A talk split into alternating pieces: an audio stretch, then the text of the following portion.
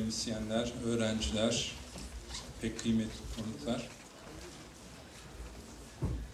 Sempozyumumuzun e, üçüncü oturumunu açıyorum. Oturumumuzun başlığı Medeniyet yargılanıyor. Batı düşüncesinde uygarlık eleştirileri. Civilization under trial. Criticism of civilization and modernity in the Western thought. Oturumumuzun konuşmacıları Texas A&M Üniversitesi Sosyoloji Profesörü Sayın Profesör Stephen Mestrovic,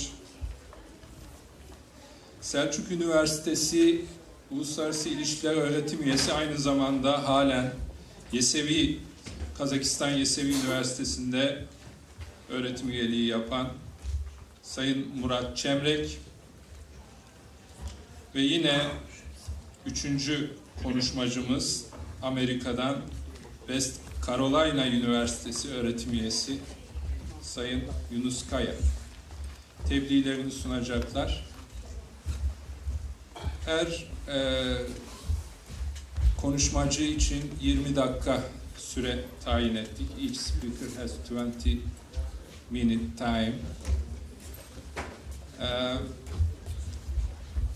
Stefan Mestrovic, Sayın e, Stefan Mestroviç'ten e, başlayacağız. E, kendisi uygarlık ve barbar mizaç, Civilization and the Barbarian Temperament isimli tebliğini sunacaklar. Uygarlık ve barbarlık arasında devamlı ilişki kurulmuştur. Sosyolojinin ciddi konularından bir tanesidir. Uygarlık, uygarlıklar, medeniyetler kontrol altına alamadıkları, içselleştiremedikleri, kapsayamadıkları, hatta anlayamadıkları kitleler için, toplumlar için barbar ismini kullanırlar. Bir kısım medeniyet barbarlar tarafından yıkılmıştır ama barbarlar aynı zamanda tazeliği, dinamikliği temsil ederler. O yıktıkları medeniyeti yeniden daha taze bir şekilde genel olarak kurarlar. Tebliğinden anladığım kadarıyla, özetten anladığım kadarıyla Sayın Profesör Mestrovic bu konuları e, daha derinlemesine bize sunacak, değerli analizlerde bulunacak. Evet, Sayın Mestrovic, voice is yours. I'd like to say hello to everybody and to thank the organizers for inviting me to this excellent conference. Uh, when one looks at the three leading theorists today about modernity and postmodernity, they are Anthony Giddens, Jean Baudrillard, and George Ritzer. There's something very strange about their theory. Anthony Giddens uses the metaphor juggernaut for modernity. A juggernaut is like a huge boulder on top of a hill that comes down and crushes everything in its path. Giddens portrays modernity as a monster. There's no opposition, you cannot resist the juggernaut, you must succumb. In practical terms, what he means is Walmarts will be built everywhere, they will replace little mom and pop shops, there will be super highways, uh, and that above all, the juggernaut is Western. So these Western products, what he means obviously, will take over Russia, China, Africa, and so forth. Jean Baudrillard similarly portrays postmodernity as being inevitable. He sees the United States as the center of, of uh, postmodernity, as being the origin of fake simulacra and images, and again, something that will take over the world. George Ritzer, in this book, McDonaldization of Society, builds upon Max Weber, and as some earlier speakers talked about, he uses the words rationality, predictability, and control, uh, but these are inevitable. What I find disturbing is that there is no room for opposition, for negotiation, that the juggernaut simply must um, crush you. Um, what's missing in some of these accounts is the very obvious fact noted a long time ago by a sociologist named Thorsten Veblen, who was writing in the 1890s and is now forgotten, and it's this that the Enlightenment was limited geographically to the northwest corner of Europe and was in a limited time in a specific century. In other words, when we talk about modernity or enlightenment, is as something abstract as if everybody had enlightenment. In fact, we're talking about France, Germany, and England and how they spread those ideas to the United States. And two, we forget that it, out of the abstract world, the Enlightenment was in fact accompanied by civil and religious wars, witch hunts, and other tendencies that were barbaric. So I try to make sense out of this sense of contradiction. The contradiction that the Enlightenment is seen as something only good, rational, and civilized at the same time uh, was associated with very dark and barbaric things. And I propose a theory that I call in my book post-emotional society, which I can give a working definition, but I don't have the time to really go into details. A definition is it's a new mechanism found in Western societies in which the culture industry markets and manipulates dead emotions from history that are selectively and synthetically attached to current events. But I would prefer to use a metaphor from literature. If some of you have read Dostoevsky's The Underground Man, or Notes from the Underground, uh, the main character, the Underground Man, is a perfect illustration of what I'm talking about as the post-emotional type. If you know the story, it's about a man who works for a boss. The boss fires him. The man wants to have his revenge. But according to Dostoevsky, the man thinks about his revenge too much. The whole book is about thinking too much. That's the Enlightenment. And so the man plots his revenge over the course of five years. How he will have pleasure in slapping this boss in the face in front of everybody and embarrassing him. And finally, in the novel, he works up the courage and he slaps his boss five years after he was fired. By the time he does it, everyone in the room thinks the man is crazy because everyone's forgotten the original event. I want to use this as a metaphor because uh, when Dostoevsky was writing, thinking too much meant primarily being educated. But today, we have extensions of our thinking in the internet, in iPhones, in computers, in armies of uh, public relations people. We know how to rationalize and think about things very, very well. But we still have some very basic emotions from our Darwinian animal nature. So to apply this idea of Dostoevsky to political events, I would point out the following. I think it is post-emotional that when the Serbs attacked uh, Bosnia and Croatia in the 1990s, they used as their justification the Battle of Kosovo from the year 1389. They claimed that in the 1990s, they were fighting the Muslims in Sarajevo because of some battle that happened over 600 years ago. That is kind of like the underground man. Uh, when we think about Greece invoking the memory of Alexander the Great in order to block the existence of Macedonia, Macedonia in the 1990s, I think that's another example. And if you look at the current war from this post-emotional angle, it, in other words, this misplacement, misconnection, this disjunction of rationality and emotion, consider that after 9-11, the United States did not immediately go after Osama bin Laden. Immediately went after Iraq.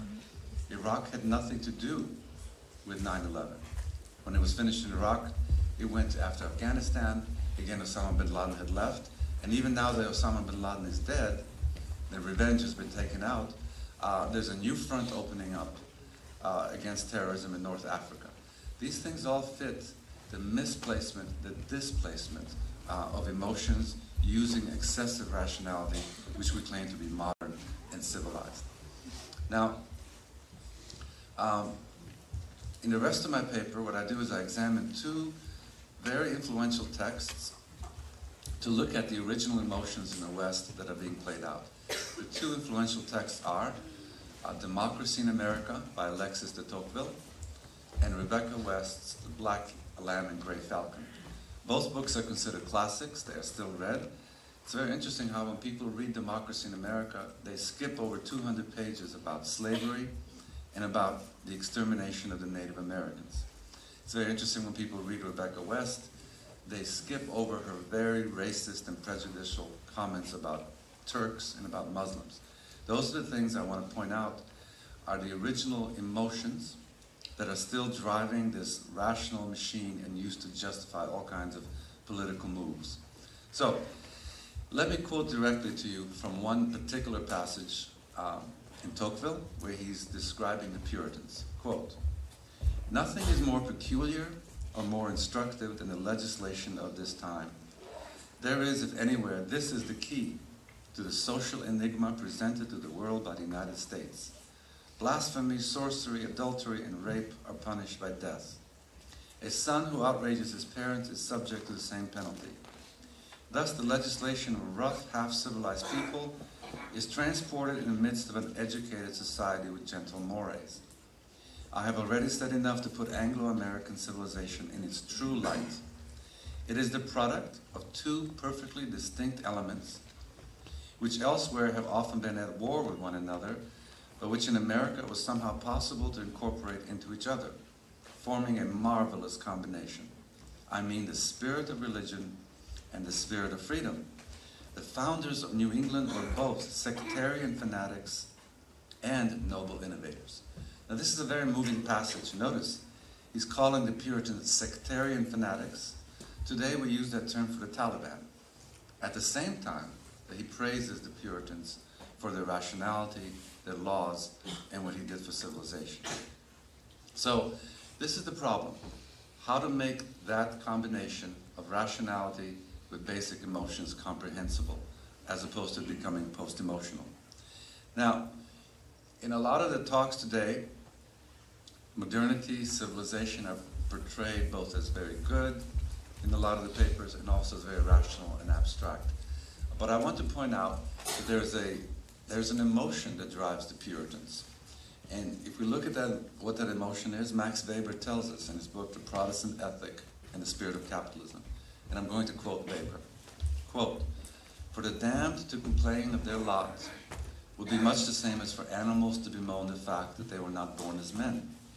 We only know that part of humanity is saved and the rest is damned. End quote. In other words, the Puritans saw the world divided into two classes of people the elect and the damned. They saw themselves as the elect. Slaves and Indians were the damned. They deserved what they got. That is the emotion that was driving modernity. And so we do have the laws, the democracy, the freedom, all the things that we're describing, but this is the part of modernity that nobody wants to remember or even delve into very, very much. Now, very similarly, Rebecca West, who's not looking at America, she's looking at Europe, but she finds very similar kinds of themes. She writes about the Balkans in constant interplay with European history and ideas such as the Enlightenment, Nazism, Mussolini, the Manichaean heresy, the Roman Empire, English civilization. And she traces all this back to the Manichaeans. The Manichaeans divided the world into light versus dark. There were the extreme dualisms, and the Manichaean heresy, as it was called, came before the Puritans. In other words, the great Catholic uh, theologian St. Augustine borrowed, he himself was a Manichaean uh, before he converted, and he borrowed many of these dualisms, which then later influenced uh, John Calvin and the Puritans. Now, again, I'd like to read to you a quote from Rebecca West's 800 page book, where she says some very racist things, but it does speak about the energy, the emotional energy of the West. Quote These people of Dalmatia gave the bread out of their mouths to save us of Western Europe from Islam.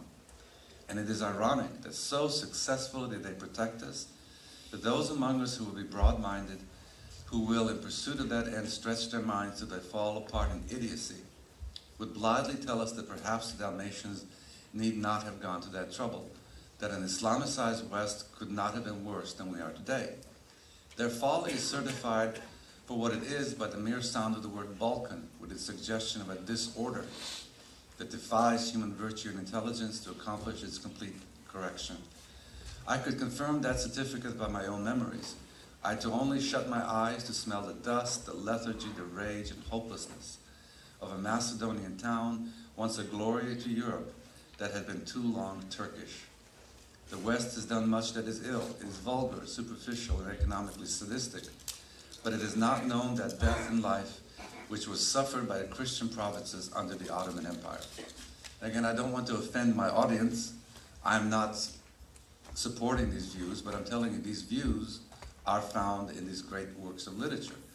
And that is that Muslims are equated with Turks. Even uh, in the war in the 1990s, the Serbs refer to the Bosnian Muslims as the Turks.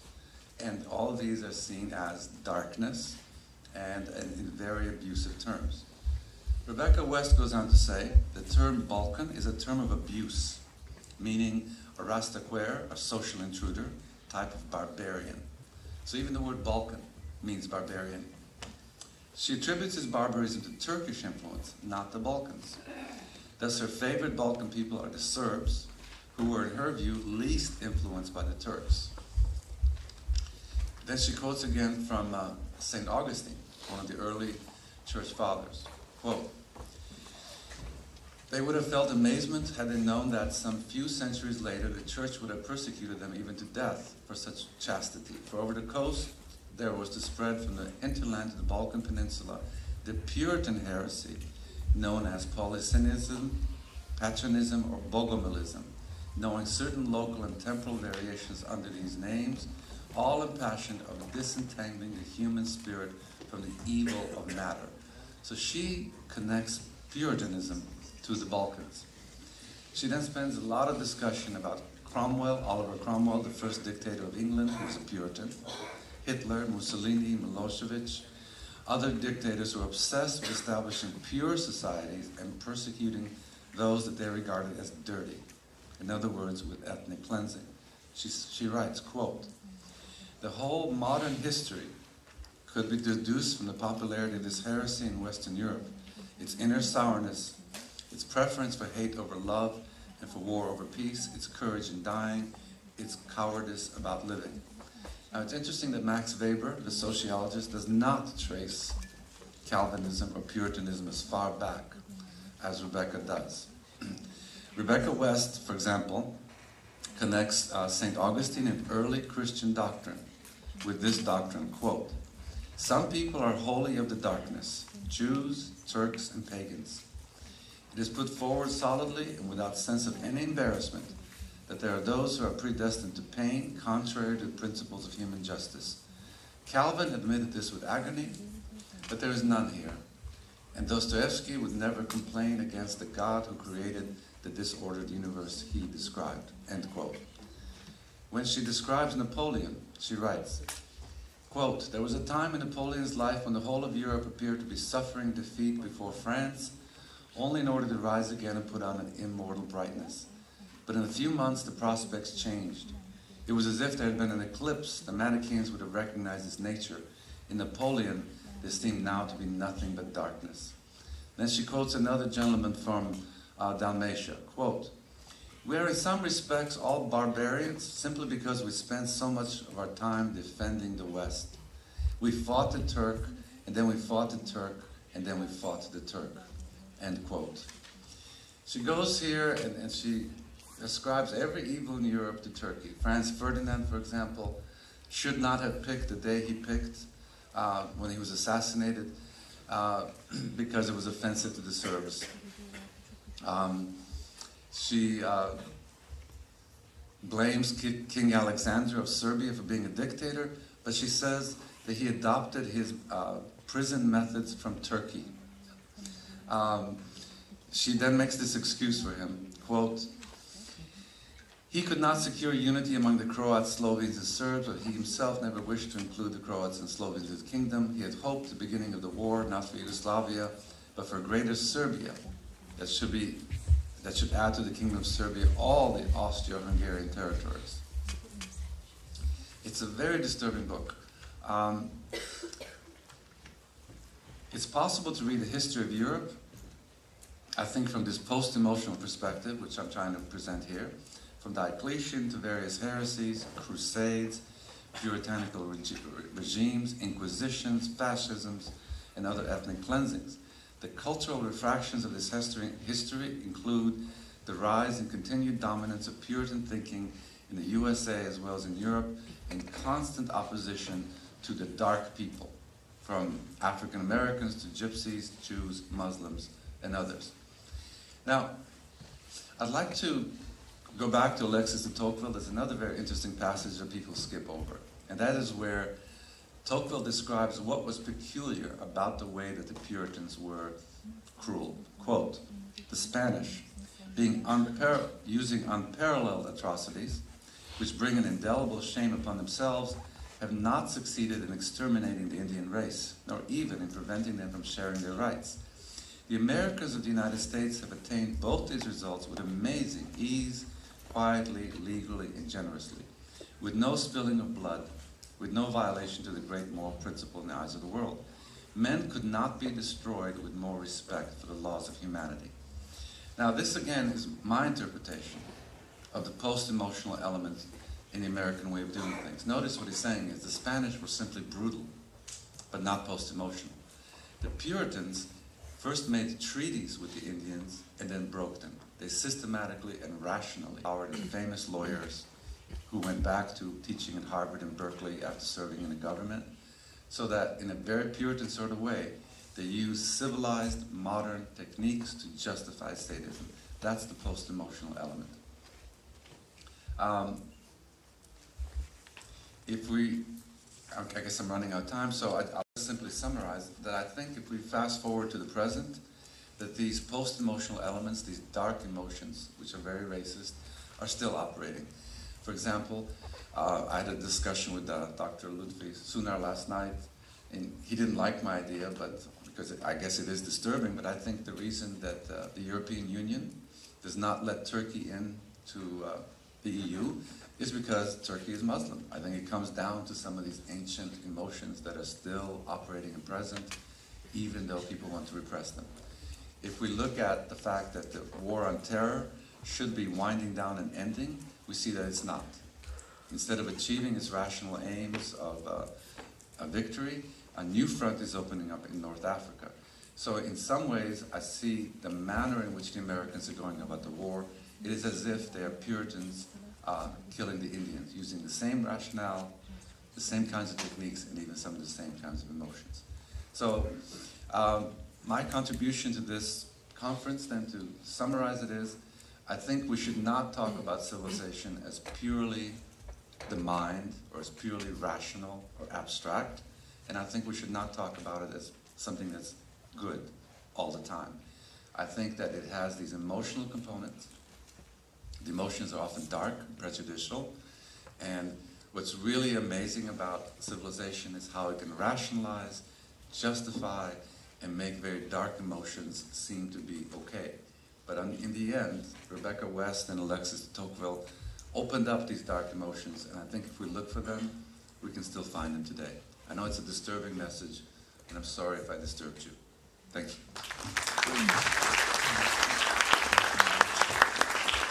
Çok teşekkür ediyoruz Profesör Mestroviç'e. Tebliğini zamanında sundu. Gerçekten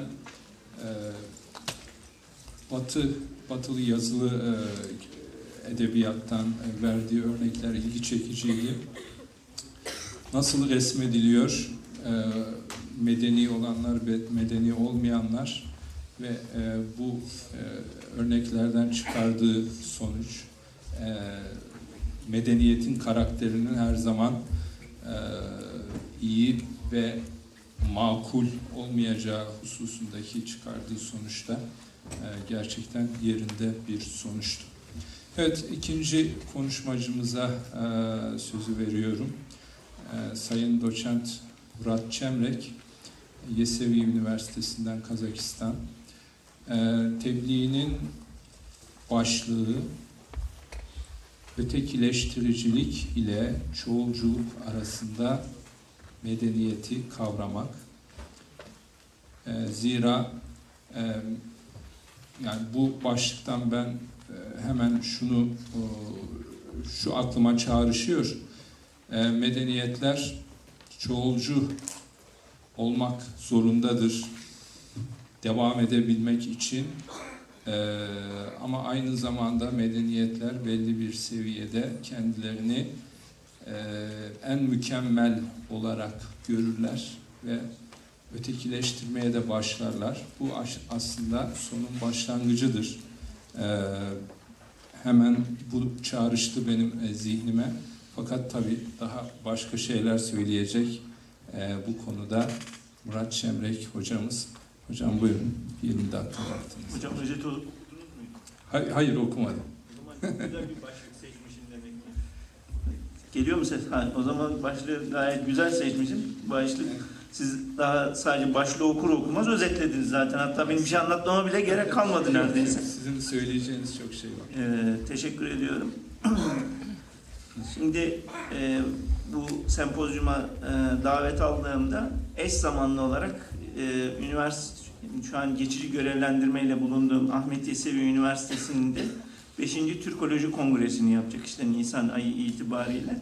Orada da panel başlıklarından bir tanesi işte bizim e, enstitümüze tevdi edilen bu medeniyet kavramıyla ilgili olduğum.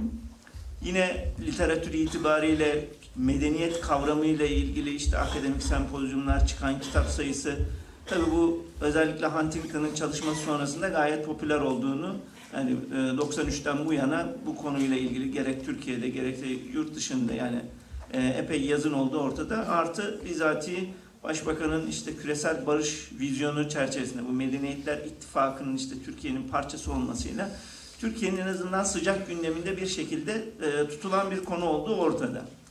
Şimdi e, ben e, malum bu e, son e, oturum olduğu için söyleyeceklerimi yani e, ulaştığım sonucu başta vereyim. Bu genelde Fransız tipi makaleler de böyle yapıyorlar. Bu benim daha çok hoşuma gidiyor. Sonrasında da niye, nasıl böyle bir sonuca ulaştığımı e, sizinle paylaşmış olayım. Medeniyet kavramının benim için ilgi çeken tarafı 5 yıl önce yani bir tür blokvari e, bir şekilde tuttuğum kısa bir yazıyla başladım. Şimdi kendisi problemli olan bir kavramla e, bizatihi medeniyet kavramı problemli. Benim de onunla bir problemim e, ortaya çıktı. Çünkü medeniyetin tek tipleştiriciliğinden müthiş derecede rahatsız olan e, biriyim. Daha doğrusu sadece medeniyetle ilgili değil, herhangi bir medeniyet değil. Hangi e, bir düzen, yani bir tek tipleştirme varsa ortada, yani insanın özgürlüğünü çalan bir faşist bir yaklaşım olduğunu benim tüylerim diken diken oluyor. Ve genel olarak bu medeniyetteki bu tek tipleştiricilik var mı? Yani bizatihi asli mi? Yoksa işte sabahki konuşmalarda geçen Yusuf Bey'in bahsettiği arizi olan arıza çıkarır şeklinde yani bu arizilik durumu mu söz konusu? Onu incelemeye yönelik kafamda e, sabah Yusuf Bey de işte bahsetti o 14-15 senedir kafa yoruyormuş. Benim aklımın bir köşesinde 4-5 senedir olan bir e, meseleden şey. Şimdi buna dair benim ulaştığım yani başta sizinle paylaşıp sonra açmayı düşündüm. Ben o böyle farklı medeniyetler ya da onların yek diğerini barbarlık olarak tanımlamasının ötesinde hepimizin bir genel insanlık medeniyetinin parçası olduğunu düşünüyorum. Ha buna nereden varıyoruz? Şimdi hiçbir medeniyet tarihin hiçbir döneminde gökten zembille inmiş bir medeniyet yok. Bir önceki yani hem yıktığı işte fethettiği bağlamda ya da işgal ettiği, ilhak ettiği bu da genel Perslerin sözünden hareketle fethedenler fetholunanlardır. Yine sabah e, işte konuşmalarının birinde söylenilen e, sahip olduğunuz mülk sizi ele geçirir şeklinde. O tabii eşya ile olan ilişkiniz bağlamında ama her medeniyet kendisinin üzerine kurulduğu o kat yani soğan gibi düşünürsek üzerinde yükseldikçe bir öncekinden aldıkları oluyor ve bu bu bütün kadim zamandan itibaren yani medeniyet olgusunu nereye bağlarsanız bağlayın kaçınılmaz olarak daha öncekilere bir atfınız söz konusu oluyor. İster bu dinsel anlamda da olsun bir şekilde şöyle söyleyeyim paganlık İbrahim'i dinler içinde yaşamaya devam ediyor. Kültürel olarak yani burada ilahi bir şey açısından söylemiyorum. Çünkü işte Büyükada'ya bir ziyarete gittiğimde e, kiliseye doğru çıkarken e, işte Hristiyanlık şeyi içinde o çabuk bağlamanın kültürel olarak devam ettiğini görüyoruz. E, Hristiyanlarda var da bizde yok mu? Bizde de var. Yani bu anlamda bir kültürel devamlılık ve bunun işte eşyaya yansıyan medeniyet anlamında belirli günlere, şeylere atfedilmiş ritüeller anlamında devam ettiğini e, söylüyor. Öbür taraftan şimdi e, kimlik meselesiyle ilgili olarak bir tek tipleştirme e, de duyduğum ızdırap bu ulus devletin bize dayattığı bir tek tipli bir kimlik, bir ulus kimliği söz konusudur ve sosyolojik anlamda da işte ulus kimliğinin çatısı altında diğer etnik, mezhepsel, dinsel e, ya da cinsiyet sosyolojisi anlamında e, cinsel tercihlere bağlı olarak ya da bizatihi biyolojik kimliğin toplumsal e, anlamlandırılması bakımından olan kimlikler alt kimlik ama burada bir hiyerarşi olmadığı söylenir. Tam tersine de bir hiyerarşi söz konusudur. Ve diğer tüm kimlikler gerektiğinde ötelenen hatta farazi olarak işte tırnak içinde söylüyorum farazi olduğu için devletin liberal tutumunu atıf yapılarak yani liberal devlet teorisinde efendim işte herkes kamusal alanda eşitliği sağlamak için bu kimliklerini ulusal kimlik haricinde evinde bırakır gelir. Mümkün değil. Yani bizatihi en başında da cinsiyet kimliğimizi evde bırakıp gelemiyoruz. Kamusal alana belki en çok getirdiğimiz. E, aksanımızla ilgili olarak etnik kimliğimizi, li- etnolingüistik kimliğimizi şey yapamıyoruz. Dinsel ritüellerimiz itibariyle yani bu e, bir şekilde giyinmemize yansıyan hali itibariyle bunu evde bırakamıyoruz, getiriyoruz. Yani bunun e, bu da rol adedince ne kadar çok rolümüz var. Bazen roller çatışması yaşasak bile demek ki o kadar da çok kimliğimizin olması. Yani bize bu farazi olarak dayatılan ve bunu bizim e, işte uluslararası ilişkiler literatüründe e, iki tane tarih. Birisi işte Vesfalya Anlaşması'dır, öbürü de Sovyetlerin yıkılmasıdır. Yani 90'dan sonra yazılan her makale aşağı yukarı literatürde işte e, Sovyetler Birliği'nin dağılmasına atıf yapılan şey. Eğer oraya da bir atıf yaparsak biz daha öncesinde halının altına süpürülen ne kadar kimliğimiz varsa bu vesileyle öğrendik. Bu medeniyet bağlamında da böyle olduğunu düşünüyorum. Yani niçin kendimizi bir tane medeniyete hapsetmek durumunda olalım? Elbette kimliklerimiz içinde bir tanesi duruma göre ya da birisi başatlık kazanabilir. Buna dair bir itirazım söz konusu değil ama kendimizi nasıl ki tek bir role hapsedemiyoruz. Rollerimiz çeşitlenir. Aynı şekilde o söylediğim o katman yapısından dolayı medeniyetin aslında hem kadim medeniyetlere hatta bazıları ölmüş gitmiş son artifekleri kalmış olanlara bir e, yaklaşımımız söz konusu olur. Şimdi tabii bunu söylerken şöyle bir suçlamayı baştan kabul etmeyeceğimi söyleyeyim. Bu ucuz bir eklektizm değil. E, tam tersine biz burada şunu da bir eleştirel akıl olarak ortaya koymaya çalıştığımda bu. Biz medeniyete hak ettiğinden çok daha fazla bir anlam yüklememizden kaynaklanıyor. Yani e, işte sabahki tartışmalar itibariyle de yani literatür anlamında e, sunulanlar da oydu. İşte medeniyetle uygarlığı ayırsak ya da umran ifadesini mi kullansak? Ya hangisini kullanırsanız kullanın. Nihayetinde medeniyet dediğimiz şey bir doğala müdahale alanının açıldığı şeydir. Ve bunu da daha iyi olana dair yaptınız. Ha bunu işte aydınlanmacı akıl itibariyle biz bunu yaptığımızda kendimizin bir norm oluşturma, bir meşruluk kazanma zaten siyasetin doğası gereği olan bir durum oluyor. Yani medeniyet kavramının bizatihi kendisi siyasetten beslendiği için o normları koyabilir. Size mutlak doğruyu e, e, cebredebildiği, icbar edebildiği için bundan beslenmiş oluyor. Ve bu çerçevede işte e, medeniyeti bir de şu e, şöyle bir hataya düşüldüğünü görüyorum. Sanki medeniyeti böyle bir statikleştirme. Yani ister daha önceki var olmuş medeniyetler ya da şu anki olanların bir yapılan bir altın çağcılık. Hep bir asr saadetçilik dönemi. Yani halbuki her medeniyetin e, yaşadığı yani e, çizgisel tarih anlayışı anlamında böyle bir ilerlemecilik şeyinden bahsetmiyorum. Tam tersine e, yaşadığı krizler onu eğer ortadan kaldırmadıysa tam tersine gayet güçlendirmiş olduğu ortaya çıkıyor. Ve medeniyet dediğimiz zaten dinamik bir şey. Yani hiçbir şekilde biz bir asr saadete e, bir altın çağ hapsedemeyeceğimiz kadar e, dinamik ve durmadan da evrilen bir şey. İşte o katman yapısı da zaten buradan kaynaklanmış oluyor. E, ulus devlet peki bu bize bu tekil kimlikle beraber medeniyet fikrini de yani ben burada ulus devleti belki bir günah keçisi anlamında ama e, tarihin daha önceki hiçbir döneminde olmayan şey yani hep bir tekil kimliğe hapsedilme durumumuz ulus devletle beraber başladı. İster bunu hani uluslararası ilişkiler literatürü Vesfalya Anlaşması'yla işte uluslararası sistemin kurulmasıyla şey yapar.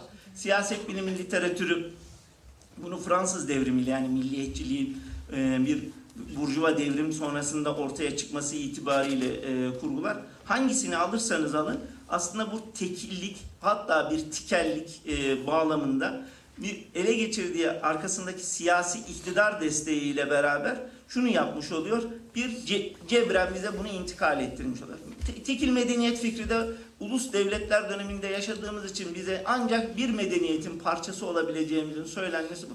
Halbuki İslami terminoloji itibariyle bile baktığımızda cahiliye döneminde iyi olan bir şey ee, daha sonrasında da iyidir diye ortada bir hadis söz konusu yani köle azat etmek bağlamındaki olan şey, e, çerçevesinde bile düşünsek yine aynı şey. Ha buradan cennete gitme orada bakın başka bir şeyden bahsetmiş oluyoruz. Hani cenneti murad edebilmeniz için o dinin mensubu olmakla ilgili olan bir şey. Ama medeni olmakla doğal olana müdahale ve hani insanlığa normatif anlamda iyi şeyler koyacağınız işte imarlık, müreffehlik, barındırlık anlamında hani medeniyete dair pozitif anlamlar ifade ettiğiniz boyutu itibariyle böyle bir şeyden bahsetmemize gerek yok. Zaten o anlamda da tek bir medeniyetin eş zamanlı bir sürü medeniyetin parçası olmuş olmamızla ilgili. Şimdi niçin başlıkta bu ötekileştiricilik ve çoğulculuğu kullandığımızdan hareketle aslında burada e, ötekileştirme ya da çoğulluk yani e, plurality e, yerine pluralizm işte burada yine bir ideolojik boyut ortaya çıktığı içindir. Çünkü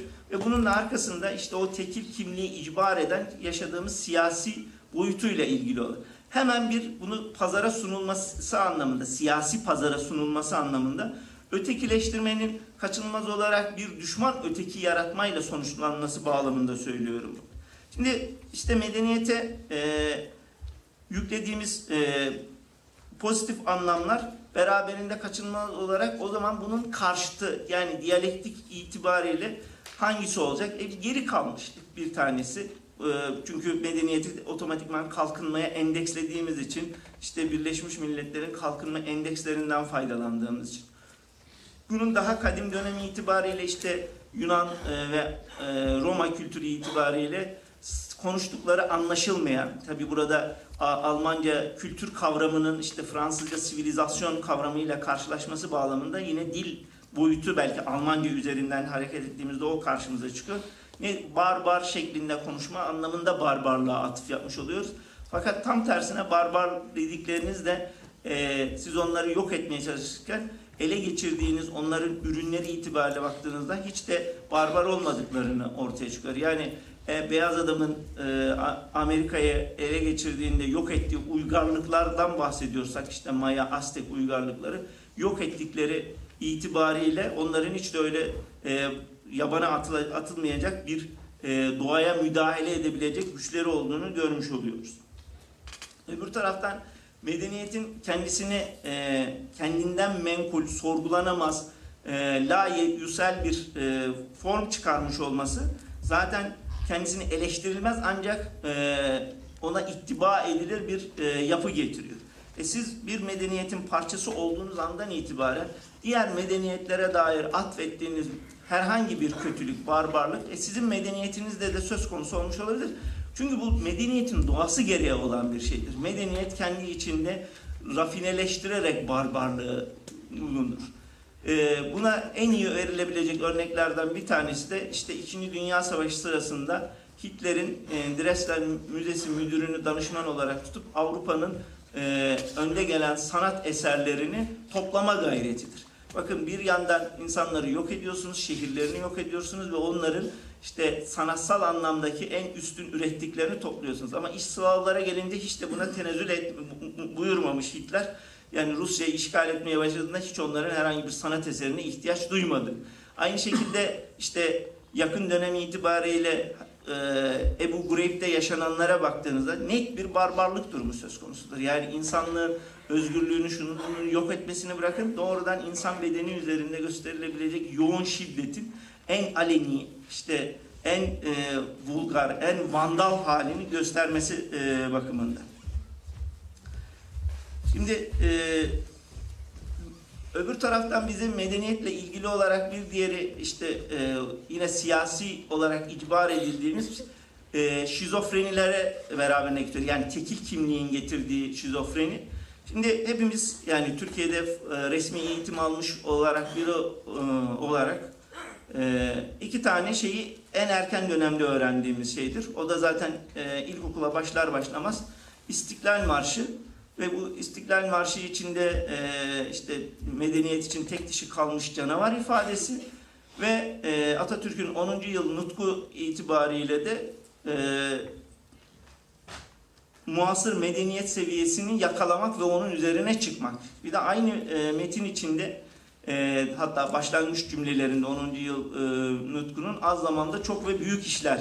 Yani o kadar büyük işler yaptık ki artık biz muasır medeniyet seviyesini çıtayı biraz daha yukarı biz onları da geçeceğiz. E, muasır medeniyet ne? Batı medeniyet. Hani şimdi mesela Çin'in yükselişine en azından görgü tanıklığı ediyorum. Hatta biraz da coğrafi anlamda yakın olduğum için daha fazla tanıklık ediyorum. E, eğer Çin böyle bir şeyi yakalasa o zaman bu Çin'i geçmek şeklinde tekrar yeniden yorumlanabilecek, tefsir edilebilecek bir durum. Şimdi burada bir şizofrenik durum söz konusu oluyor. Aslında biz ulus devleti, vat- vatandaşları, e, vatandaşları olarak biz her gün çeşitli şizofrenileri yaşamak durumundayız ve bunları bastırmak e, için bastırmak durumundayız akıl sağlığımızı korumak için. Şimdi yani ilkokuldan itibaren herhalde benden benim sadece benim aklıma gelmemiştir. Başkalarından ya bir yandan bu şey tek dişi kalmış canavar, bir yandan biz bunun muasırını da geçmeye çalışıyoruz. Şimdi ilkokul kafasıyla düşünmekle al bunu üniversiteye geldiğiniz zaman da ya yok o, o medeniyet olsun da öbürü uygarlık olsun. Ya o batı medeniyeti de bu işte İslam medeniyeti. Yok burada ben söylemeye çalıştım illa tekil bir medeniyetin sahibi olma, yani onun mensubu bulunduğunuzda nasıl ki ulus kimliğinizde size böyle bir şey icbar ediliyor. Sizin ülkenizin yaptığı kötülükleri vatandaş olarak görmezden gelmeniz istenir. Halbuki kötülük kim yaparsa yapsın zulüm zulümdür. Bu kadar basit. Yani bir Amerikan vatandaşı olduğunda da e, Ebu Ghraib'de yapılanlar ya da benim ülkemin siyasal anlamda vatandaşlığını taşıdığım e, hepsi nihayetinde utanılacak şeyler yaptığında utanılacak şeylere sahip çıkmak durumunda değilim yani. Ama bizden istenilen sadık vatandaşlar olarak bu istendiği için. Yani biz burada medeniyeti illa tekil anlamında ben burada o siyasi erk elinde bulunan ulus devlet süreciyle beraber oraya bağladığından e, kaynaklanıyor. E, şimdi şu da denilebilir ya bu şizofreniyi aşmak için ben mesela öyle bir yol buldum. E, efendim iki tanesi de söylenen e, yani tek iki farklı tekst arasında 12 yıldan fazla bir zaman dilimi var. E, söyleyen kişiler farklı. Bundan dolayı e, böyle bir şeye gerek yoktur. Çok da arada yani fark anlamında 12 yılı e, büyük bir fark olarak almanız durumunda o zaman söyleminizi işte kişiler de değişti derken bütün medeniyete dair atfettiğiniz ya bütün anlamları yok edeceksiniz ya da tam tersine medeniyete o pozitif anlamı sadece pozitif anlamlar yüklemek durumunda kalacaksınız. Biraz da bu e, herkesin bir medeniyetin mensubu olup o medeniyetin e, o medeniyet süreci itibariyle gidişine baktığımızda kanlı işgallerini e, şanlı fetihler olarak okuma kolaylığına kaçmış olduğunu görüyoruz. Halbuki ya, yani fetih dediğimiz şey bizatihi işgal olarak okunabilecek bir şey. İşte benden önceki konuşmacının nihayetinde eğer Sırplar açısından okuduğunuz zaman tam tersine e, işte Boşnakları, Türkleri Türkler olarak öldürdüklerinde kendilerine zamanında yapılmış zulmün intikamını da almış olarak edebilecekleri gibi tam tersine yapılması gerekenin zaten bu olduğunu söyleyebilecek şeklinde. E diğer bu bireysel şizofrenilerimiz ne getiriyor? İşte Huntington'ın Türkiye için kullandığı şekliyle torn country diyor.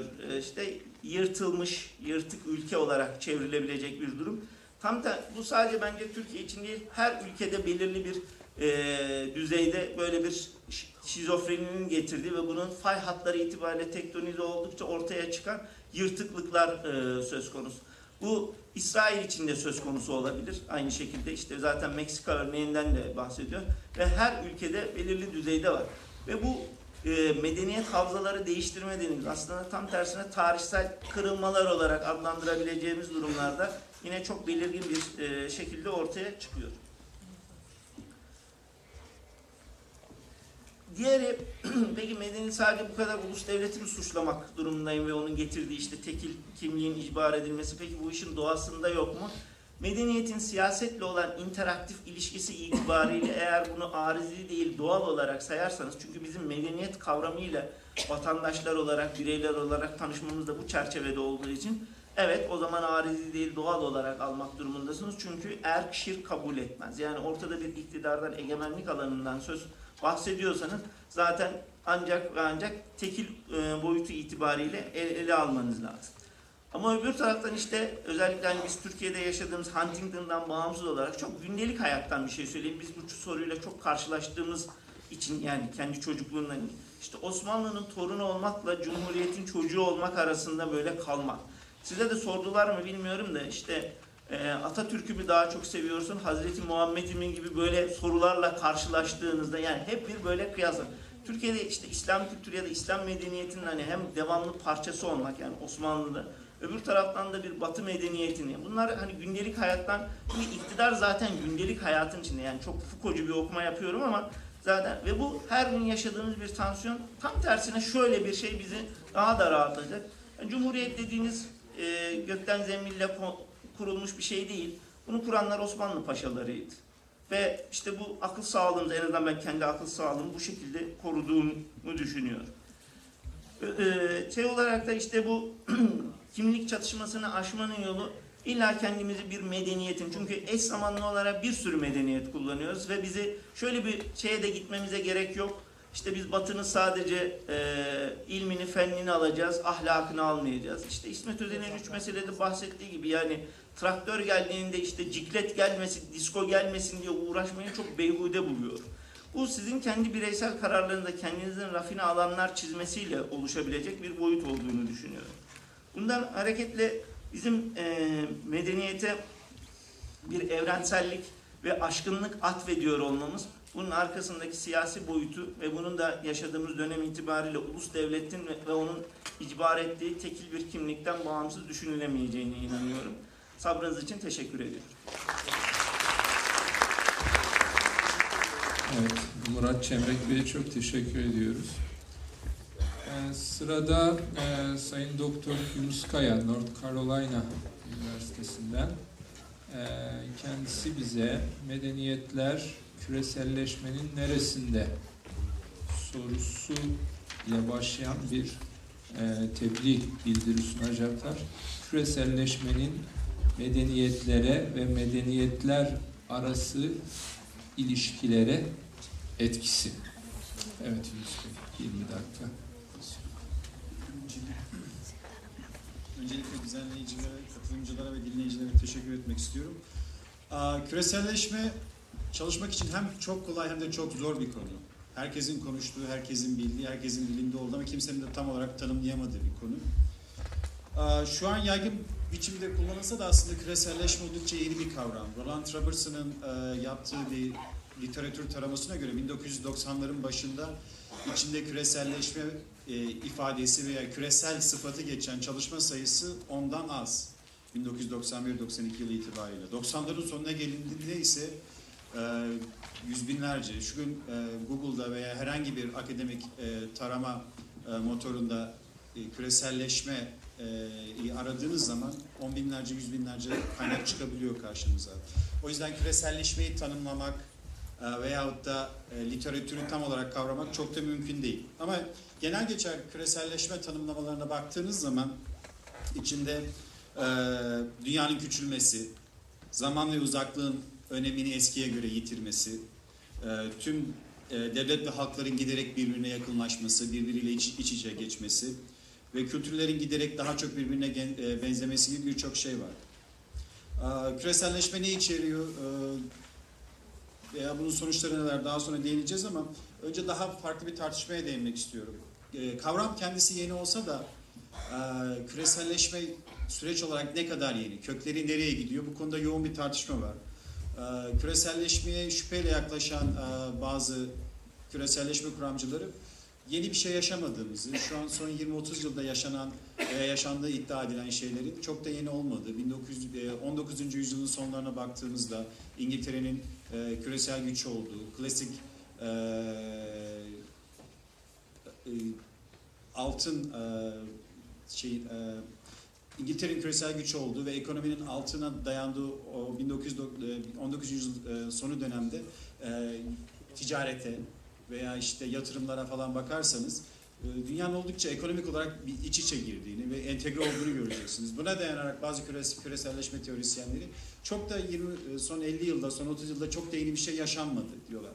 E, Bu skeptiklere e, Wallerstein gibi Dünya e, Sistemi Okulu'ndan veya Giddens gibi küreselleşme sadece e, modernitenin yeni bir safhasıdır diyenleri eklediğinizde ciddi bir kütle çıkıyor ortaya. Küreselleşmeyi kabul etmeyen veya yeni bir e, süreçte veya değişik bir süreçte olduğum- olduğumuzu kabul etmeyen ciddi bir kütle var.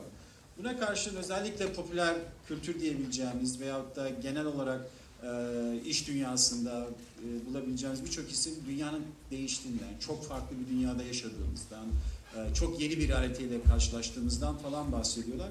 Sanırım gerçek bu ikisinin arasında ve birçok küreselleşme kuramı e, kuramcısına baktığınızda e, küreselleşmenin tarihçesini çok daha eskiye götürmekle beraber son 20-30 veya 40 yılda yaşanan bazı değişikliklere vurgu yapıyorlar. Ee, genelde küreselleşmeyi daha batı merkezli anlayışlar işte 14. yüzyıla, 16. yüzyıla coğrafi keşiflere falan götürüyor. Ee, Batı dünyası dışındaki algılayışlar da tek dünya oluşumunun veya işte bilinen dünyanın fethedilmesinin çok önce veya e, bilinen dünyanın hemen hepsiyle ilişkiye, e, ilişkide bulunulmasının çok daha önceye gittiğini, Çin'e, eski Çin'e, e, Os- Osmanlı İmparatorluğu'nun hatta önceki imparatorluklara giden açıklamalarda bulunuyorlar. Bunları bir yana bırakırsak son 20-30 yılda ne yaşandı, ne farklıydı? Ekonomik e, olarak eski Fordist bütünleyici, bütüncül e, üretim, meta üretimi sisteminden tüm dünyaya yayılan bir meta üretimi sistemine geçildiğini görüyoruz. E, Ford'un Detroit'teki büyük fabrikasında 1920'lerde 100 binden fazla insan çalışıyordu. E, çelik, demir, e, kauçuk bir taraftan girip diğer taraftan T-model dedikleri e, otomobiller çıkıyordu. 100 binden fazla insan çalışıyordu. Bugün bu yapı değişti artık. E, herhangi satın aldığınız bir otomobilde yüzden fazla ülkede üretilmiş parçayı bulmak mümkün. E, yeni uluslararası iş, iş bölümü denilen bu süreç e, endüstriyel toplumların ve gelişmekte olan toplumların yapısını değiştirdi. Ee, ve küreselleşme son 20-30 yılda ne değişti dendiği zaman en çok yapılan vurgulardan biri de bu. Tabii bizim e, özellikle medeniyet kavramını ele aldığımızda bizim ekonomik e, sonuçları etki önemli olsa da bizi daha çok küreselleşmenin kültüre etkisi nedir? Ee, ve kültürle alakalı olarak e, küreselleşme nelere yol açmıştır? Bu, bu soru çok önemli. Kültür kısmına baktığımızda da birkaç önemli soru çıkıyor karşımıza. Küresel bir kültür oluşmakta mı? Yerel kültürleri ulusal kültürleri aşan, birleştiren, değiştiren bir küresel kültür oluşuyor mu? Ve bu küresel kültür e, Batı kültürünün hegemonik bir yayılması. Bu konuda oldukça e, geniş tartışmalar sürüyor. E, kültür, öncelikle küresel kültür tartışmalarına baktığımızda birçok insan tabii ki e, şeyden e, Batı kültürünün hegemonik gücünün devam ettiğini, kültür emperyalizminin devam ettiğini e, ve dünyada yayılan formlara, popüler olan müziklere, popüler olan yemek türlerine falan baktığımızda Batı kültürünün etkisinin son derece yoğun biçimde devam ettiğini öne sürüyorlar. Buna karşı belli e, bazı insanlar da, bazı küreselleşme kuramcılar yok e, sadece Batı kültürü değil, diğer kültürler de küreselleşmeyle beraber yayılma imkanı buldular. E, Mesela McDonald's veya Starbucks gibi markaları dünyanın her yerinde bulabilseniz de Amerika'daki herhangi bir şehirde e, Asya lokantaları, Hint lokantaları, Türk lokantalarını bulabiliyorsunuz. Benim yaşadığım Wilmington küçük bir kent, 100 bin civarında insan yaşıyor. 50'den fazla Asya e, restoranının bulunduğu, Türk restoranının bulunduğu, bir sürü Hint veya değişik bölgelerden restoranın bulunduğu bir yer. Örnek üzerinden bile meslektaşlarımla tartıştığımda küreselleşmenin tek yönlü bir süreç olmadığı, iki yönlü bir süreç olduğunu e, öne sürüyorlar. Hatta bunu vurgulamak açısından küreselleşme değil de ve globalleşme değil de glokalleşme kavramı ortaya atılmış vaziyette. Ee, Bunu Roland Robertson bundan bahsetmişti. Daha değişik e, küreselleşme kuramcıları, da bundan çokça bahsediyorlar. Glokalleşme, global olanın yerelleşmesi, yerel olanın globalleşmesi veya e, işte yerel olanın küreselleşmesi, küresel olanın yere- e, yerelleşmesi olarak tanımlayabiliriz. Mesela e, küresel olan McDonald's, Starbucks gibi e, şirketler Türkiye'ye ve dünyanın değişik yerlerine gittiklerinde e, yerel ağız tatlarına adapte oluyorlar, uyum sağlıyorlar. Bunun karşılığında ise e, yerel olan e, mesela Türkiye'de döner veya işte e, Türk kahvesi gibi şeyler küresel bir yayılma imkanı gibi buluyor. Bundan hareketle e, glokalleşme teorisyenleri veya glokal, glokalleşmeye vurgu yapanlar küreselleşme sadece batının hegemonik bir yayılması değildir. E, iki yönlü bir trafiğin olduğu daha eşit bir süreçtir diyorlar. E, bu bağlamda, kültürel bağlamda değinmek istediğim önemli isim var. O da George Ritzer, Stephen değindi. E, Ritzer'ın McDonald'slaşma teorisi var. Bu McDonald'slaşma teorisine göre e, Weberian bürokrasi anlayışına da dayanan dört prensibe dayanan, bu dört prensip nedir? Verim, hesaplanabilir olma, tahmin edilebilirlik ve aynı zamanda kontrol ve denetim. Bu prensiplere dayanan kültürel formlar veya kurumsal formlar tüm dünyaya yayılıyor. Fakat bu e, formlar yayılırken e, bu küresel formlar yerel e, yapılara da adapte oluyor. Fakat Ritzer'ın vurguladığı çok önemli bir şey var. Yerel yapılar, yerel kültürler bu yayılmacı küresel markalara, şirketlere karşılık verirken bu yapıya uygun biçimde, bu yapıya uyarak karşılık verebiliyorlar. Mesela Çin'de veya dünyanın değişik yerlerinde e, özellikle McDonald's e, şirketi üzerine yaptığı çalışmalarda yerel birçok firma kendileri e, yerel ürünleri e, küresel e, kendi ulusal piyasalarında veya e, küresel piyasalarda ortaya sunabilmek için McDonald'slaşıyorlar. E, o şirketin prensiplerini benimsiyorlar. E, franchise sistemi mesela veyahut da işte ürünlerini standart hale getirme, birçok ürün sunmak yerine e, çok az ürün sunma. Ve bu dönüşümü yaşayarak karşı koyabiliyorlar veya rekabet edebilir hale geliyorlar. Bunun sonunda da aslında e, Ritzer'in de bahsettiği gibi günün sonunda kazanan belki yine McDonald'slaşma ve özellikle de modernite oluyor. Çünkü e, bu kurumsal yapı, bu form ancak bu forma uyarak e, ayakta kalabiliyorsunuz. Tabii e, bu oldukça tartışılabilir bir konu. Birçok insan özellikle bahsettiğim gibi globalleşme konusuna vurgu yapanlar e, form, e, kurumsal yapıların da farklılaştığı, bir Çinli şirketin asla bir Amerikalı şirket gibi olmadığını, benzer birbirlerini taklit etseler de bir Japon şirketinin asla bir Amerikan şirketi gibi olmadığını, e, farklılıkların olduğunu ve yaşamaya devam ettiğini iddia ediyorlar. E, kültür açısından diğer çok önemli bir konu da dil meselesi. Dili olmayan kültür olmaz. E, ve küresel kültürün dili ne dediğimizde muhtemelen İngilizce olduğunu söyleyecek birçok insan. Fakat İngilizce küresel bir haline geliyor mu? Belli bir miktarda. Dünyanın her yerinde bir miktar İngilizce konuşan ve oldukça iyi İngilizce konuşan insanlar bulabiliyorsunuz. Fakat akıcı biçimde kültür dili olarak İngilizce kullanabilen insan sayısı dünyanın hemen her yerinde oldukça kısıtlı. Yani gittiğiniz her yerde çatpat İngilizce konuşabilen, İngilizce konuşmayı, konuşabildiğini göstermeye meraklı insanlar bulabiliyorsunuz ama dediğim gibi kültür dili olarak kullanabilen insan sayısı oldukça sınırlı. Bir örnek internetin e, ilk başladığı yıllarda %50'den fazlası muhtevası İngilizceydi. Bugün %27'ye düşmüş vaziyette son yapılan hesaplamalara göre. Çince muhtevası %24'e çıkmış vaziyette. Bunun önümüzdeki yıllarda İngilizceye geçeceği ve internetin çoğunlukla veya internetten çok kullanılan dilin Çince olacağı söyleniyor. E, bundan dolayı İngilizce, İngilizce lingua franca e, olma ihtimali en yüksek değil ama buna rağmen e, çok da e, küresel bir dilin henüz oluşmadığını görüyoruz. İleride oluşur mu?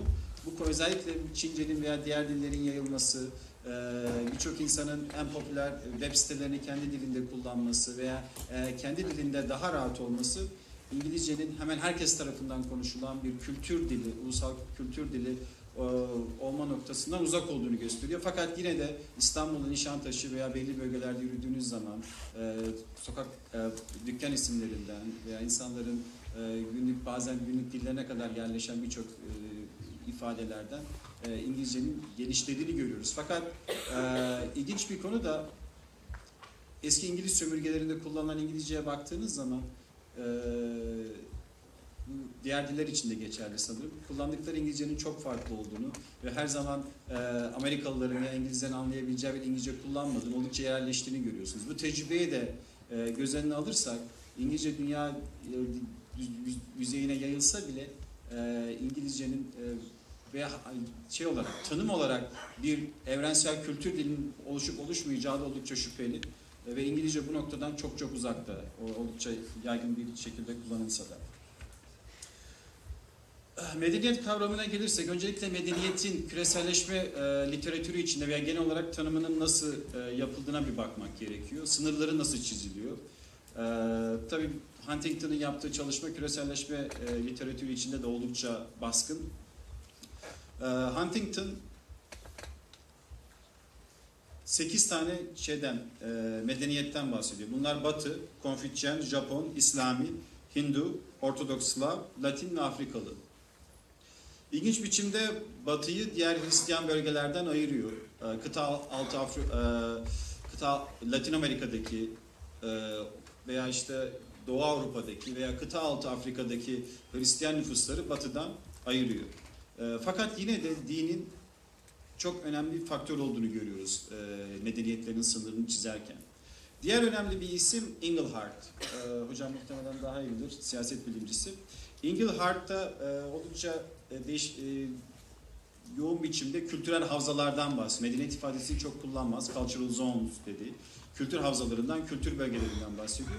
Engelhardt'ın ilginç bir özelliği ise e, sabit bir medeniyet tanımı yok. İlgilendiği konulara göre, çalıştığı konulara göre e, sınırları değişen daha ampirik bir medeniyet anlayışı var. Yani belli ülkeler, belli bölgeler e, bir medeniyet havzasının içine girerken bir, bir konuda diyelim ki cinsellik gibi bir konuda politik e, veya işte demokrasiye bakış açısında başka bir medeniyet havzasının sınırları içine girebiliyorlar. Daha değişken, daha ampirik e, bir medeniyet tanımı var. Ama dediğim gibi Huntington'ın e, e, tanımı oldukça etkili ve Engelhardt'ın tanımında bile e, din kavramı oldukça önemli. So medeni e, medeniyetin sınırlarını belirlemede e, e, küreselleşme e, literatürü içinde de veya işte genel olarak sosyal bilimler literatürü için literatürü içinde dinin önemi oldukça çok. Buradan nereye gelmek istiyorum? Küreselleşme tartışmalarına baktığımızda kültürler arası veya insan grupları arasındaki ilişkiler açısından iki farklı beklenti var. Küreselleşmenin etkisi ne olabilir? Bu iki beklentiye ben yakınlaştırıcı ve barıştırıcı bir güç olarak küreselleşme. İkincisi de düşmanlaştırıcı ve uzaklaştırıcı güç olarak küreselleştirme. İki çelişkili beklenti var. Ee, ilk beklentiye baktığımızda yakınlaştırıcı ve barıştırıcı bir güç olarak küreselleşme. Bu, e, buradaki temel argüman küreselleşme refahı yaymakta. İnsanları ve e, insan topluluklarını birbiriyle internet üzerinden, teknoloji üzerinden, ticaret üzerinden, göç üzerinden birbiriyle ilişki ve temas halinde tutmakta ve bunun sonucunda insanlar birbirini daha çok anlamakta ve özellikle bağımlılıktan ve tek dünya ve e, e, sosyolog Ulrich Beck'in bir global risk anlayışı, global risk, risk sisteminden bahseder. Tek dünyanın parçası olarak benzer risklerle karşı karşıya, aynı risklerle karşı karşıya olduğumuz için bir insan e, e, veya bir insanlık anlayışı, tek dünya anlayışı üzerinden birbirinizi anlama ve anlamaya mecbur olma durumu söz konusu. Bu e, daha optimist bir beklenti. Diğer daha e, karanlık olan veya daha e, pesimist olan beklentiye bakarsak burada küreselleşme toplumları eşitsiz hale getiriyor. Küreselleşme refahı yaymıyor. E, insanların e, hem gelişmekte olan ülkelerde hem de gelişmiş ülkelerde e, özellikle e, toplumun en tepesinde olmayan orta sınıf veya alt sınıflarda olan insanların sömürüsünü arttırdı. E, sömürü arttıkça insanların e, küreselleşmeye hatta diğer toplumlar olan reaksiyonu artıyor. E, bir de tabii şey var Huntington e, gibi e, küreselleşmenin batının mutlak üstünlüğünün yayılması olduğu ve bu yayılma karşısında diğer kültür bölgelerinin, diğer medeniyetlerin bir reaksiyoner bir tepki olduğu içinde olduğunu iddia eden gruplar var. Buna e, Barber, e, Benjamin Barber, Cihat ve Mak Dünya isimli bir kitap yazdı. Ona göre dünya homojenleştirilisi çok da adil olmayan bir küreselleşme süreciyle e, kabile, et, etnisite gibi e, anlayışların çatışmaya yol açtı. Bir Lübnanlaşma veya bir cihat ismini verdiği iki e, farklı süreç arasında sıkışmış kalmış vaziyette ve bunun sonucunda çok da iyimser olmayan e, tahminlerde bulunuyor. Buna Apadurai gibi e, küreselleşmenin daha önce yerel alanlara sıkı, e, sık sıkışıp kalmış olan a priori ve e, olarak adlandırdığı yine etnisiteye dayalı, yine kabile bağlılıklarına dayalı e, bağlantıları küresel hale getirdiğini ve çatışmalara zemin olduğunu, kültürleri birbiriyle çatışır ve birbiriyle e, kafa kafaya gelir hale götür, e, getirdiğini iddia eden e, beklentiler var. Dediğim gibi iki tane farklı, çok çelişkili beklenti var ortalıkta. Vaktim de kısa olduğu yüzden çok uzun uzun giremeyeceğim iki anlayışa. E, SUNY Binghamton'da görev yapan meslektaşımla Ekrem Karakoç'la birlikte bunun ampirik bir değerlendirmesini yapmaya çalıştık bu iki farklı beklentinin. Küreselleşmenin e, veya bir ülkenin küreselleşme düzeyinin o ülkede yaşayan yerli halkın ülke içindeki göçmen ve yabancılara olan bakış açısını e, etkilediğini değerlendik. Yani bir ülke ekonomik olarak e, küresel ekonomiye bağlandıkça, teknolojik olarak küresel dış dünyaya bağlandıkça o ülkede yabancılara ve ülkede yaşayan göçmenlere olan karşı tavır nasıl etkileniyor? Küresel, e, sosyolojinin içinde iki e, kuram söz konusu. E, biri tehdit kuramı, diğeri de temas kuramı. Tehdit kuramı ülkede ekonomik koşullar kötüleştikçe ve e, azınlık grubunun e, sayısı, büyüklüğü arttıkça ülkedeki e, veya işte yerli halktaki tehdit algısının yükseldiğini söylüyor. Temas kuramı da e, iki grup bir araya yaklaştığında aralarındaki temas imkanı arttıkça anlayışın artacağını ve bu temas sonucunda ön yargının azalacağını söylüyor. Biz yüzden fazla ülke ve yüz binden fazla bireyle yaptığımız çalışmalar sonucunda e, ülkelerin küreselleşme düzeyi arttıkça hani, e, ülkedeki yaşayan yabancılara ve göçmenlere karşı olan ön yargının arttığını tespit ettik. Yani küreselleşmeyi tehdit olarak gören veya işte küreselleşmenin çatışmaları arttıracağını söyleyen e, anlayışa bir, ampirik bir destek olma, bulmuş olduk. Bu özellikle ön yargı özellikle ülkedeki işsizlik ve e, fazlayken ve ekonomik durum kötüyken e, ciddi biçimde yükselmekte.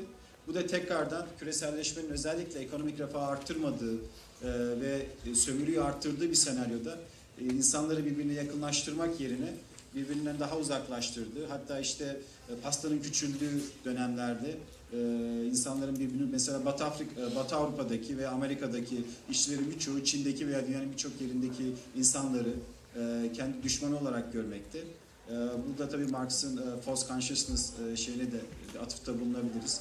E, ülkedeki büyük şirketleri veya kendi devletlerini e, düşman olarak görmek yerine e, e, kendi içindeki ve dünyanın değişik yerlerindeki işçileri, Çinli işçileri veya işte e, Türk işçileri e, düşman olarak görmekte. Sonuç olarak, sanırım birkaç dakikam kaldı sadece. Medeniyet havzaları ve blokları içinde her toplum ve toplum içindeki fertler küreselleşmeyi aynı şekilde tecrübe etmiyorlar. Dolayısıyla küreselleşmenin medeniyetler üzerinde ve arasındaki ilişkilere olası bir etkisi konuşulduğunda öncelikle küreselleşmeyi kimin nasıl tecrübe edildiğine bakmamız gerekiyor. Ee, İslam medeniyeti dediğimizde veya Batı medeniyeti dediğimizde herkes küreselleşmeyi aynı her ülke veya ülke içinde halk değişik halk kesimleri küreselleşmeyi aynı şekilde e, tecrübe etmiyorlar. Sonuç olarak küreselleşme hem yakınlaştıran, hem uzaklaştıran, hem barıştıran hem de düşmanlaştıran e, çelişkili bir süreç olarak karşımıza çıkıyor. Daha doğrusu yakınlaştırma ve barıştırma potansiyeline sahip ol- olsa da haklar arası ve haklar içindeki eşitsizlikler ve hegemonik eğilimler yüzünden bugüne kadar daha çok çatışmaları ve ayrımları körükleyen bir süreç olmuştur. Önümüzdeki yılların e, neler getireceğini muhtemelen hep beraber göreceğiz. Teşekkür ediyorum sabrınız için. Yunus Kaya Bey'e çok teşekkür ediyoruz. Gerçekten küreselleşmenin etkileri hususundaki araştırmaya dayanan e, bulguları e, çok dikkate değer. Ön yargıları azaltmadığı, fazlalaştırdığı, insanları birbirinden yakınlaştırmayıp uzaklaştırdığı, e, küreselleşmeye bağlı olarak yeni dünya düzeni denilen düzenin de e, bu bağlamda tabii ki değerlendirilmesi lazım. Evet, e, böylece oturum konuşmacıları sunumlarını tamamladılar. Ancak biraz daha vaktimiz var. 10 dakikalık bir vakit e, ben e, ayırdım sorulara, sorulara ve cevaplara. E, sırayla soruları e, alacağız bu vaktimiz el verdiği müddetçe. E, hanımefendiden başlayalım. Yalnız mikrofonu hemen ulaştıralım kendisine. Ee, sesim duyuluyor mu acaba? Sanıyorum duyuluyor. Evet.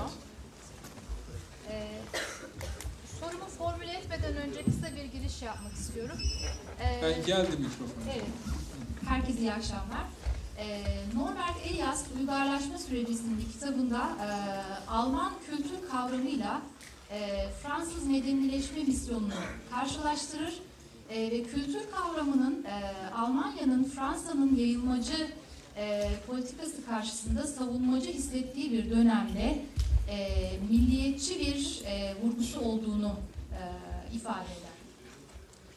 Ee, Burada tabii ki sivilizasyon misyonu kullanılması ilginç bir ifade. Sabahki konuşmacılarımızdan Farit Alatas e, yanlış modernleşme dediği karşı, şeyin karşısına desekülerizasyon e, sürecini koyuyordu. Burada da bunu benzer bir resekülerizasyonlaştırma süreci olduğunu söyleyebiliriz. Yani e, Fransız ekolü e, birçoğumuzun e, bildiği gibi e, saray merkezli bir bürokrasi yaratma ve dolayısıyla e, Orta Çağ'ın e, dini mirasını e, seküler bir e, biçimde ortadan kaldırma çabası olarak e, okunabilir.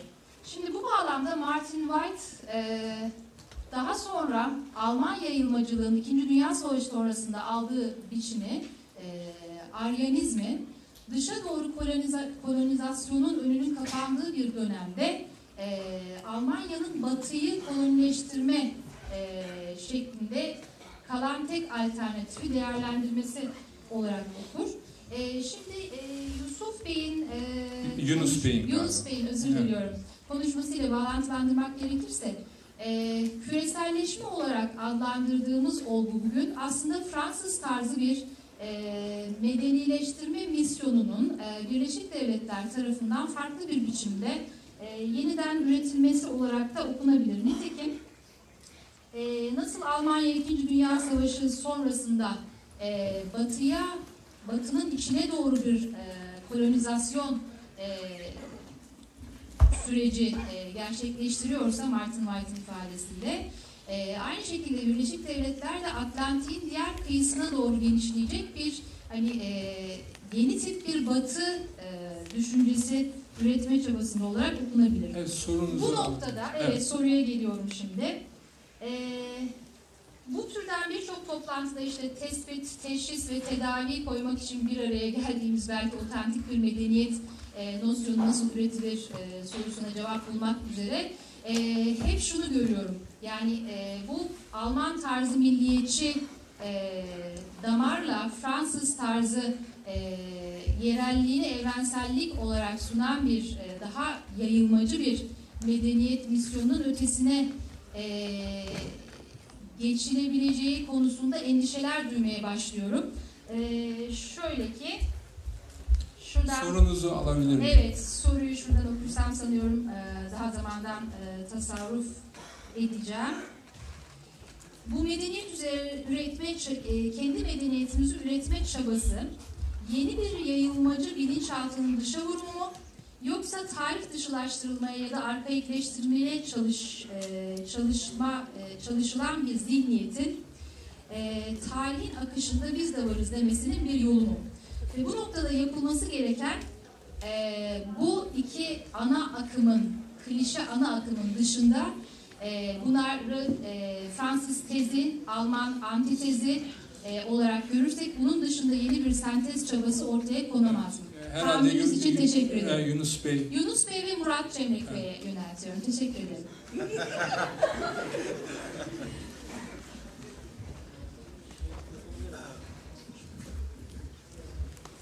Aslında evet o bahsettiğiniz e, dikotomi önemli. E, makalenin aslında da Destructive vs. E, Civilizing Globalization şeklinde bir başlık düşünmüştük.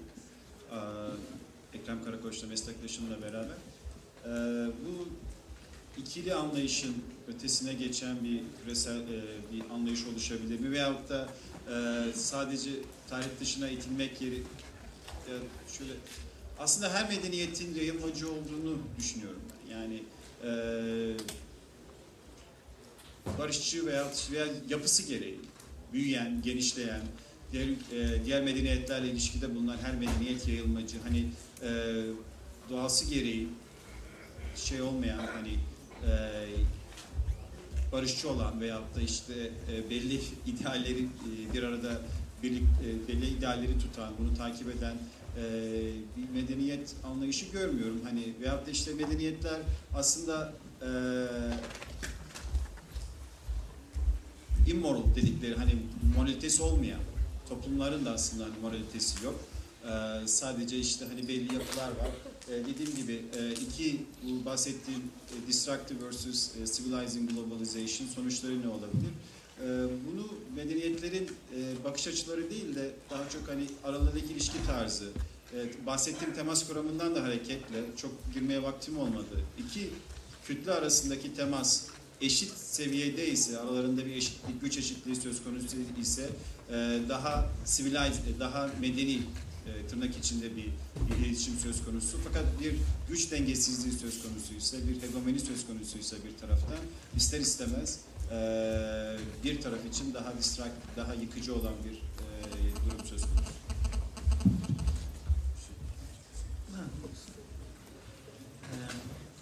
Öncelikle e, medeniyet e, benim talihsiz e, meta kavramlar olarak adlandırıp içine işte küreselleşme de bunun bir tanesidir.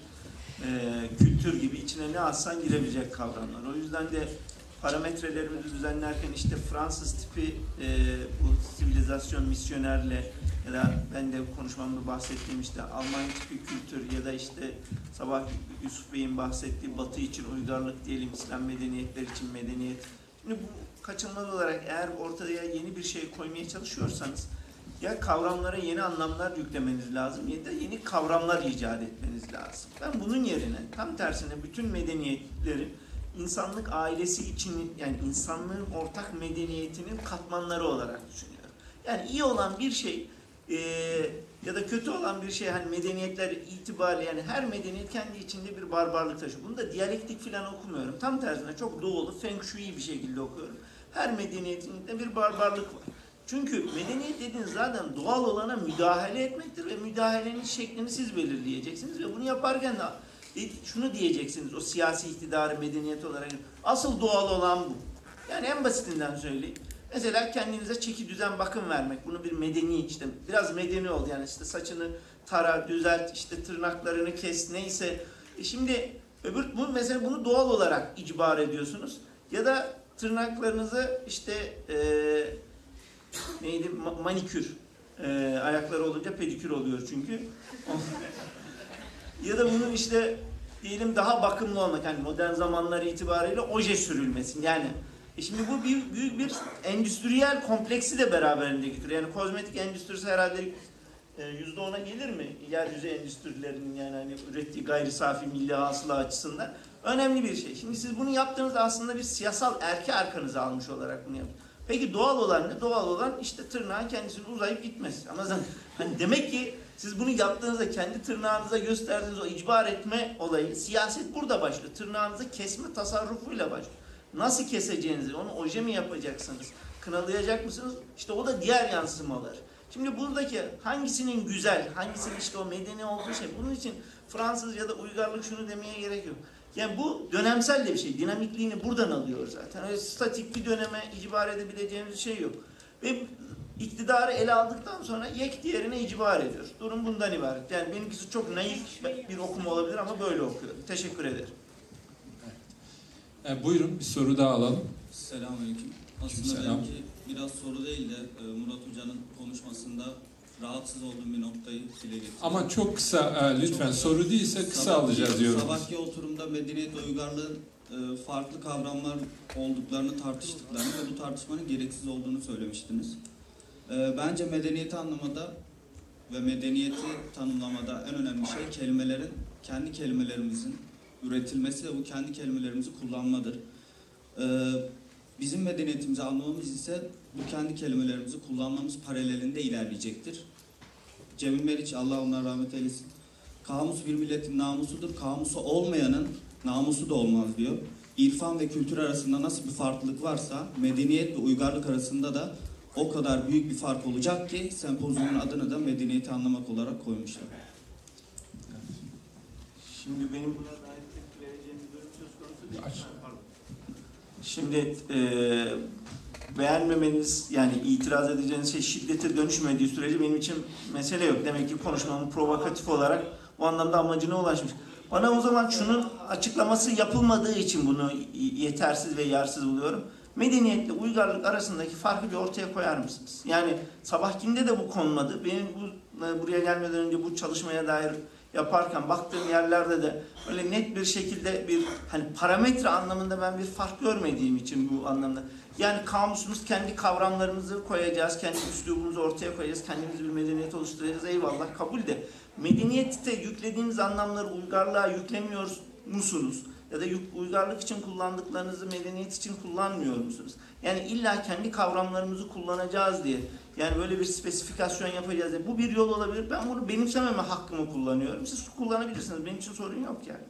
Evet, e, ben de başkan olarak size katılıyorum. Yani e, bu iki e, kavramın farklı olduğu üzerinden bir şey geliştirmenin çok temelsiz olduğunu e, düşünüyorum.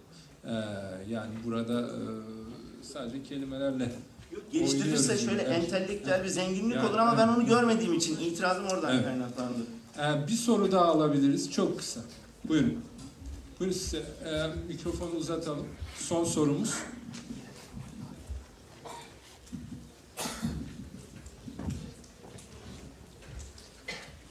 Benim sorum Yunus Bey'e olacaktı.